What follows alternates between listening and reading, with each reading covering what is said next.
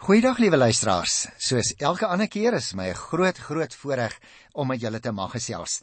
Ons gaan vandag in hierdie program oor vier konings gesels, twee van Juda en twee van Israel.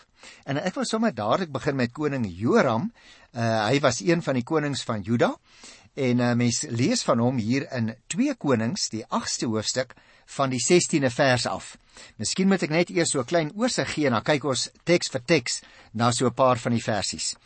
Jy uh, sal miskien onthou dat die huwelik van Joram van Juda met Atalia, sy was die koningin wat daar uit die noordryk gekom het en sy kom uit die goddelose Agab se huis van Israel en hulle het albei diep spore getrap en ook ongelukkig negatiewe dinge ingedra in die suidryk. Onder invloed van Atalia naamlik het Joram die afgoderry van Agab begin navolg ook in die suidryk. Die opstand van Edom en sy onmag om dit te beëindig is toe beskou as tekens van die Here se oordeel.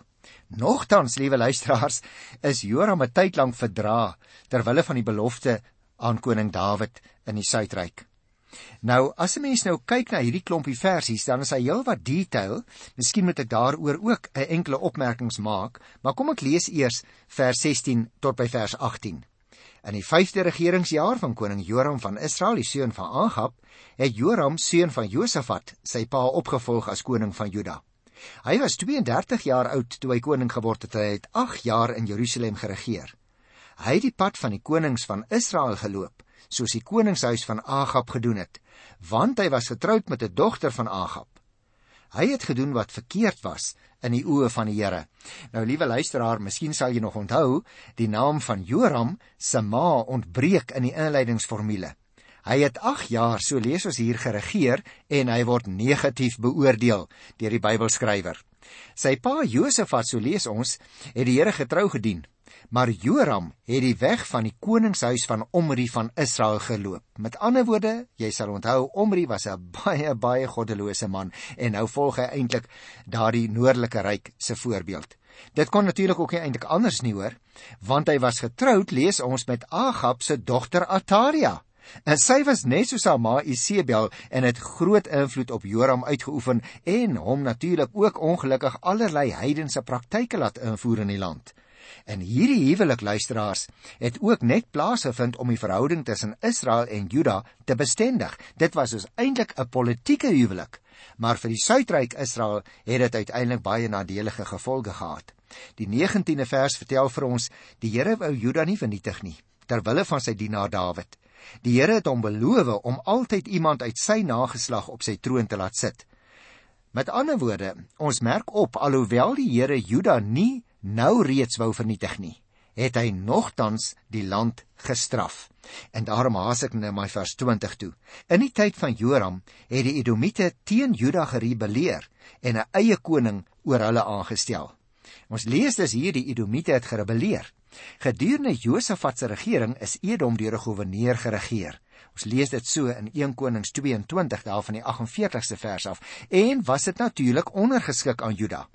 Edom moet ons ook onthou luisteraar, het Israel en Juda ook bygestaan in die stryd teen Moab en die goddelose konings daar. Dit was vir die suidelike handelsroete na Ofer belangrik om beheer oor Edom uit te oefen. Nou, toe die Edomiete bemerk dat Joram nie oor dieselfde leierskwaliteit as sy pa beskik nie, het hulle dadelik gerebelleer en lees ons 'n eie koning aangestel. Vers 21 sê: Joram het met sy hele strydmag opgeruk na Saar toe. Hy het in die nag die Edomiete aangeval en hom en sy strydwa offisiere wou omsingel, maar sy manskappe moes vlug terug huis toe.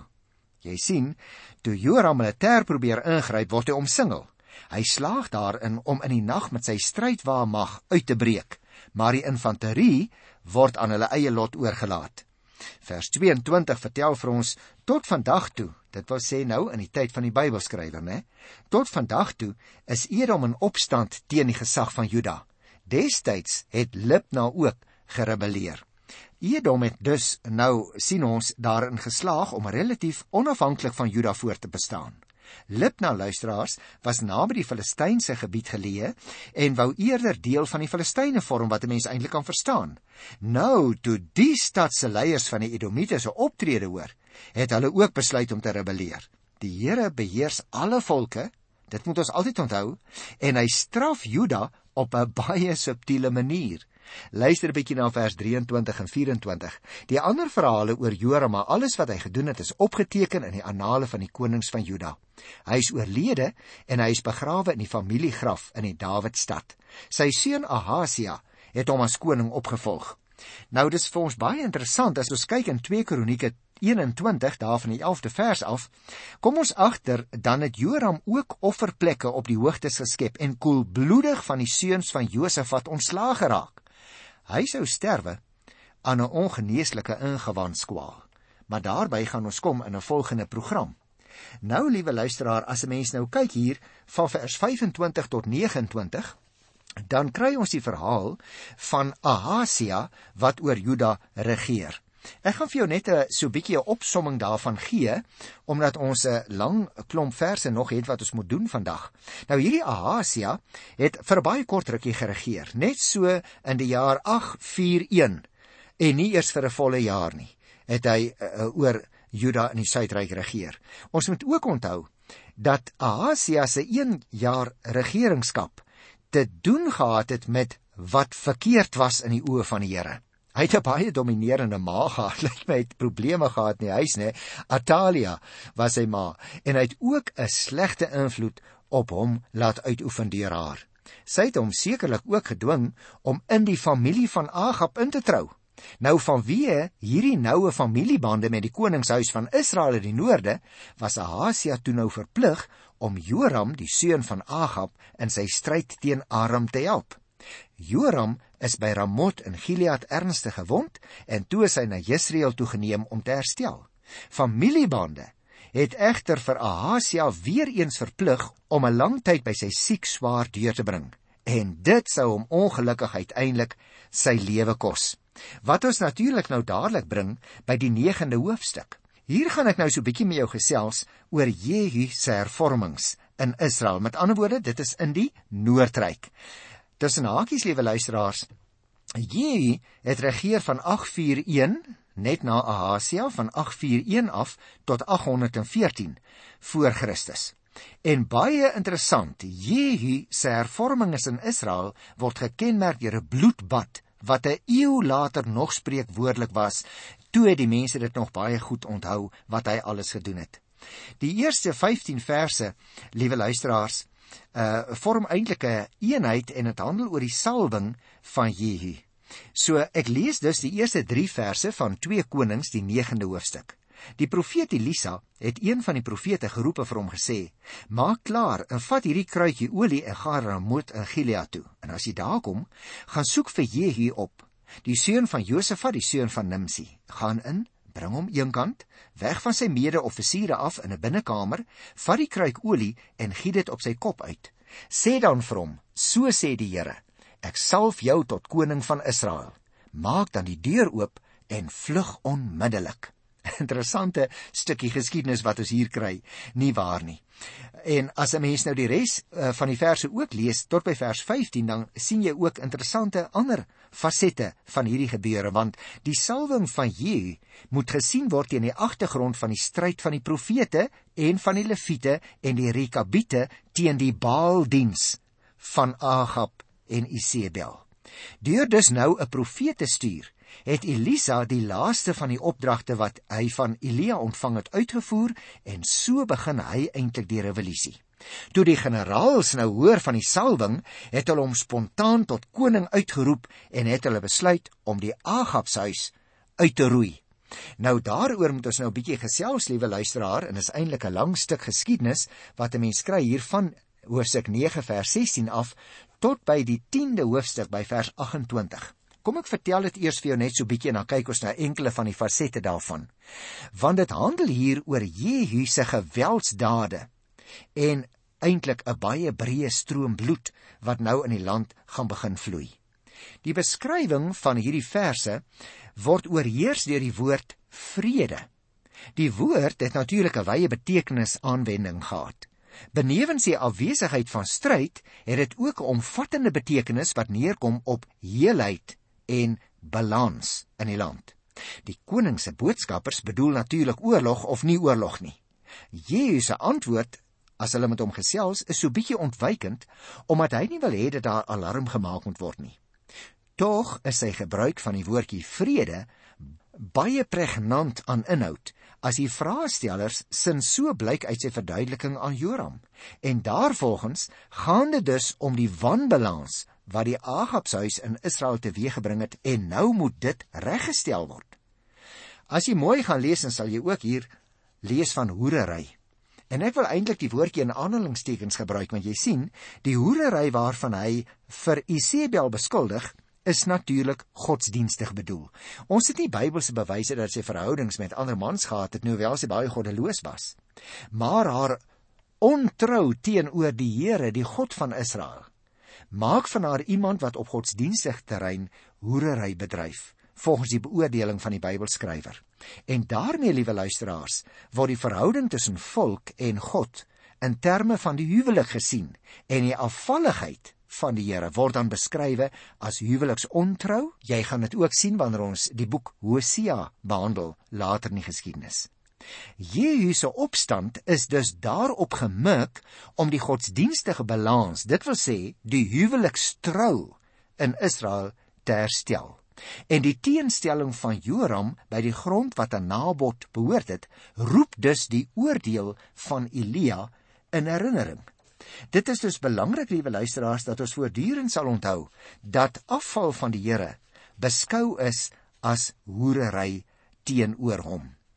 Ek wil nou graag hierso 'n klompie verse lees uit 2 Konings by die 9de hoofstuk van vers 30 af, want dan tel ons die verhaal weer baie netjies hier op luister. Isebel het toe gehoor dat Jehu na Jesreel toe op pad is. Sy het ook oogverf aangesmeer en haar hare mooi gemaak. Sy by die venster gaan staan en uitkyk. Toe Jehu by die poort inkom, het sy vir hom gesê: "Kom jy in vrede?" sien hier kry ons weer die woordjie vrede. "Kom jy in vrede, Simri, koningsmoordenaar?" Hy het na die venster toe opgekyk en gevra: "Wie is aan my kant? Wie?" Twee, drie paleisamptenare het afgekyk na hom toe en hy het hulle beveel: "Gooi haar af." Toe gooi hulle haar af. Van haar bloed het teen die muur en teen die pere gespat en hulle het haar doodgetrap. Hy het in die paleis ingegaan en gaan eet en gedrink. Daarna het hy gesê: "Sien tog maar om na hierdie vervloekte vrou. Begrawe haar. Sy is darm tog 'n koning se dogter nie waar nie?" Vers 35 sê: Hulle is weg om haar te gaan begrawe, maar hulle kon net die kopbeen, die voete en die hande kry. Toe hulle dit aan Jehu kom rapporteer, sê hy as koning: Dit is die woord van die Here wat deur sy dienaar Elia die Tisbiet gekom het. Op die oop stuk grond in Jesreel sal die honde die vleis van Isebel opvreet. Op die oop stuk grond in Jesreel sal die lijk van Isebel wees soos mis in 'n land. Niemand sal kan sê dit is Isebel nie. Nou hier kry ons dus hierdie geweldige vreemde verhaal, liewe luisteraars, van hoe sy uiteindelik 'n vreeslike nare dood gesterf het vanweë haar goddeloosheid en 'n oordeel wat deur die profeet Elia toe hy nog geleef het oor haar uitgespreek is. Maar as 'n mens nou so mooi kyk hier by die 10de vers, dan word die verhaal van hierdie koning Jehu vervolg en daarom wil ek nog so bietjie met jou daaroor gesels. Die eerste 17 verse vertel vir ons hoe dat Jehu die prinse van Samaria laat doodmaak het. En ek wil so 'n bietjie 'n oorsig daaroor uh, net gee, liewe luisteraars, sodat ons uh miskien nou nie te veel tyd hier aan spandeer nie. Dit gaan hier oor Agab se 70 prinse. Jy moet onthou, wat as 'n godsdienstige ywer begin het ontaard nou in hierdie hoofstuk in 'n koue, medoenlose bloedbad. 'n Mens kan dit eintlik niks anders noem nie, hoor. Jehu se eis aan die stad is dubbelsinnig, aangesien dit leiers of koppe kan beteken. Maar as 'n mens nou mooi kyk hier aan die einde van die 9de vers, dan was dit eintlik moeswillig om die blame op die stadsvaders te plaas.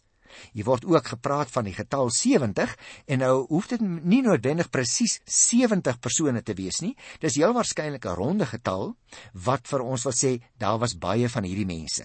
En in die erkenning van sy daad skuil Jehu agter die profete woord. Maar hy gaan baie verder deur selfs die amptenare in Jesreel te laat doodmaak. En daarom as 'n mens hier sou lees van vers 6 tot by vers 10 dan lees ons hoe dit daar 'n brief geskrywe word. 'n Brief wat nou volg waarin die koning vra dat die koppe van die 70 prinse binne 24 uur aan hom gelewer moet word in Jesreel. Toe hy nou die volgende dag die koppe in mandjies ontvang, lees ons, gee hy bevel dat dit vroeg die volgende môre by die stadspoort gesit moet word. nou natuurlik, dit was nie 'n tipiese Israelitiese of Judeese gebruik nie, maar dit was eintlik 'n Assiriese oorlogsgebruik. Onthou 'n bietjie.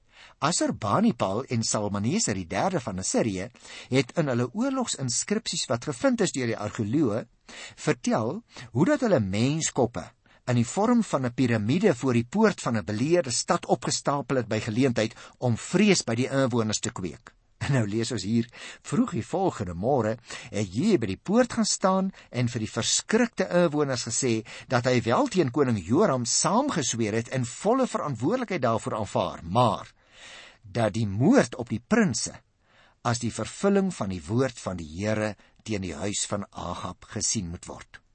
Hy het met ander woorde die inwoners voor 'n voldonge feit gestel wat die Here hom voorgenem het en deur sy dienaar Elia voorspel het, het nou plaasgevind en hulle sien nou eintlik die eindresultaat daarvan. As ek net vers 11 gaan lees, luister 'n bietjie.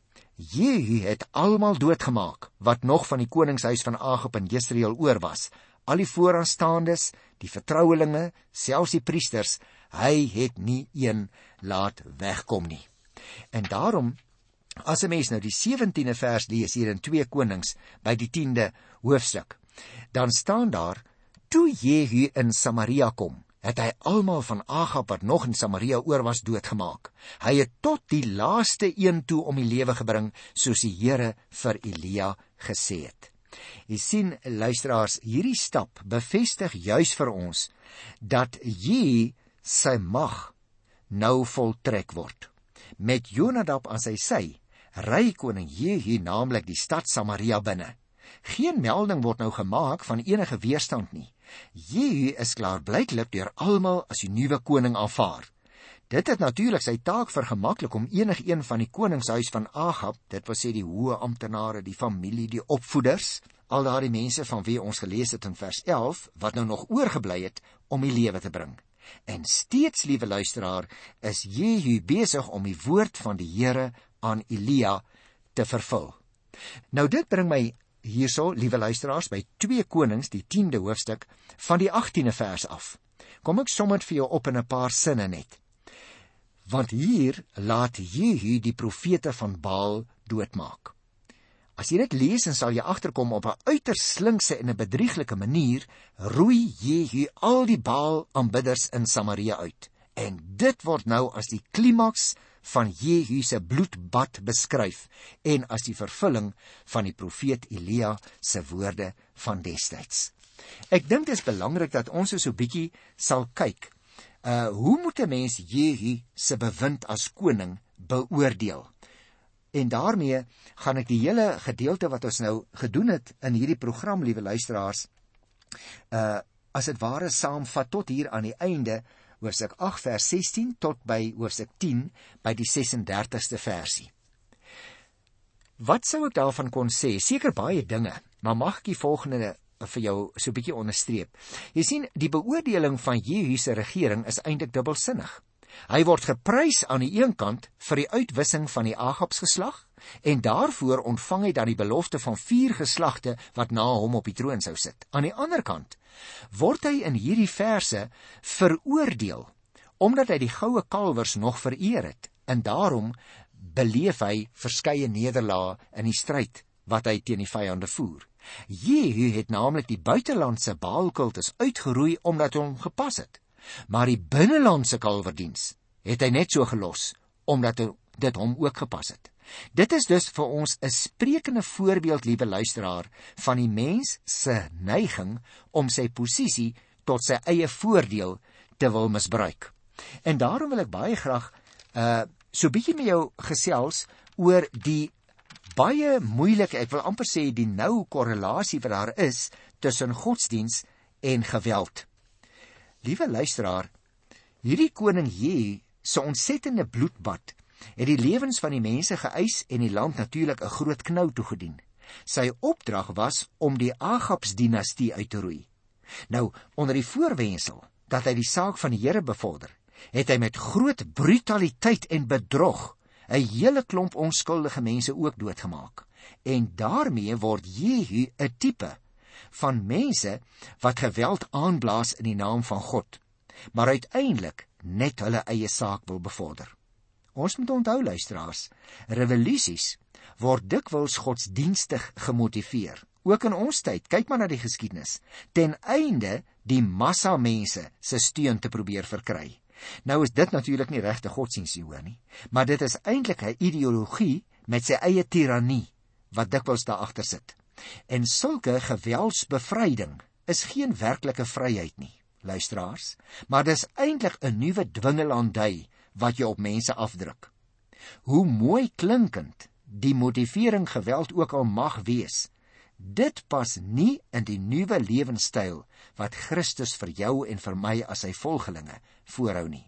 Trouwens, dit is juis waarteen die Here Jesus baie duidelik waarsku wanneer hy sê in Matteus 26 by vers 52: Almal wat na die swaard gryp, sal deur die swaard omkom. En dit moet ons ook maar in ons tyd waarin ons lewe baie goed onthou. Mag ek dit andersom sê? Luisteraars, geweld, selfs al gaan dit nie met bloedvergieting gepaard nie, is nie die middel wat die Christen mag gebruik nie. Geweld is 'n nie Christelike middel. Die Christelike optrede word deur liefde gekenmerk. En alles wat nie daarmee rym nie, is natuurlik in stryd met die lering van die Here Jesus. Jy sien die Christen se middele is liefde, onderwerping van jouself, diensbaarheid, opregtheid, geloof. Die Here Jesus het vir ons getoon dat hierdie middele sterker is as geweld en meer blywende resultate oplewer as om dwang op mense uit te oefen. Mag ek dit saamvat? In 'n tyd waarin ons lewe en wat dikwels gekenmerk word deur geweld wat hoogty vier, sy dit bloedig, sy dit ekonomies, sy dit sielkundig, het daar 'n nuwe dringendheid ontstaan om die boodskap van die liefde van God in Jesus Christus by mense tuis te bring. En om dit te kan doen, liewe luisteraar, moet die mens aangegryp word deur die versoening wat die gewelddadige dood van die Here Jesus tussen God en mens en tussen mens ek herhaal en tussen mense onderling bewerk het. Jy sien, wanneer die liefde van God so deel word van 'n mens se lewenstyl, dan eers kan geweld met liefde vervang word. Dan eers kan daar harmonie tussen mense bewerk word. As ek dus sou sê, wat leer ons uit Jehu se lewe? Ons leer uit Jehu se lewe om nie op twee stoele te probeer sit nie. Jy kan nie aan die een kant voorgee jy dien die Here en aan die ander kant is jy besig met geweld wat ander mense se lewens van hulle eis nie. Nee, liewe luisteraar, dit is jou en my taak, ook in hierdie moeilike omstandighede waarin ons ons soms bevind in die wêreld, om steeds in die liefde van die Here Jesus die boodskap van verzoening tussen God en mens en ook van verzoening tussen mens en mens teenoor ander mense uit te dra en te bely. Mag die Here vir jou en vir my gebruik om op daardie manier instrumenteel te wees as sy kinders in hierdie tyd waarin ons lewe. Ek groet jou in die wonderlike naam van die prins van alle vrede, Jesus Christus, ons Here. Tot volgende keer. Totsiens.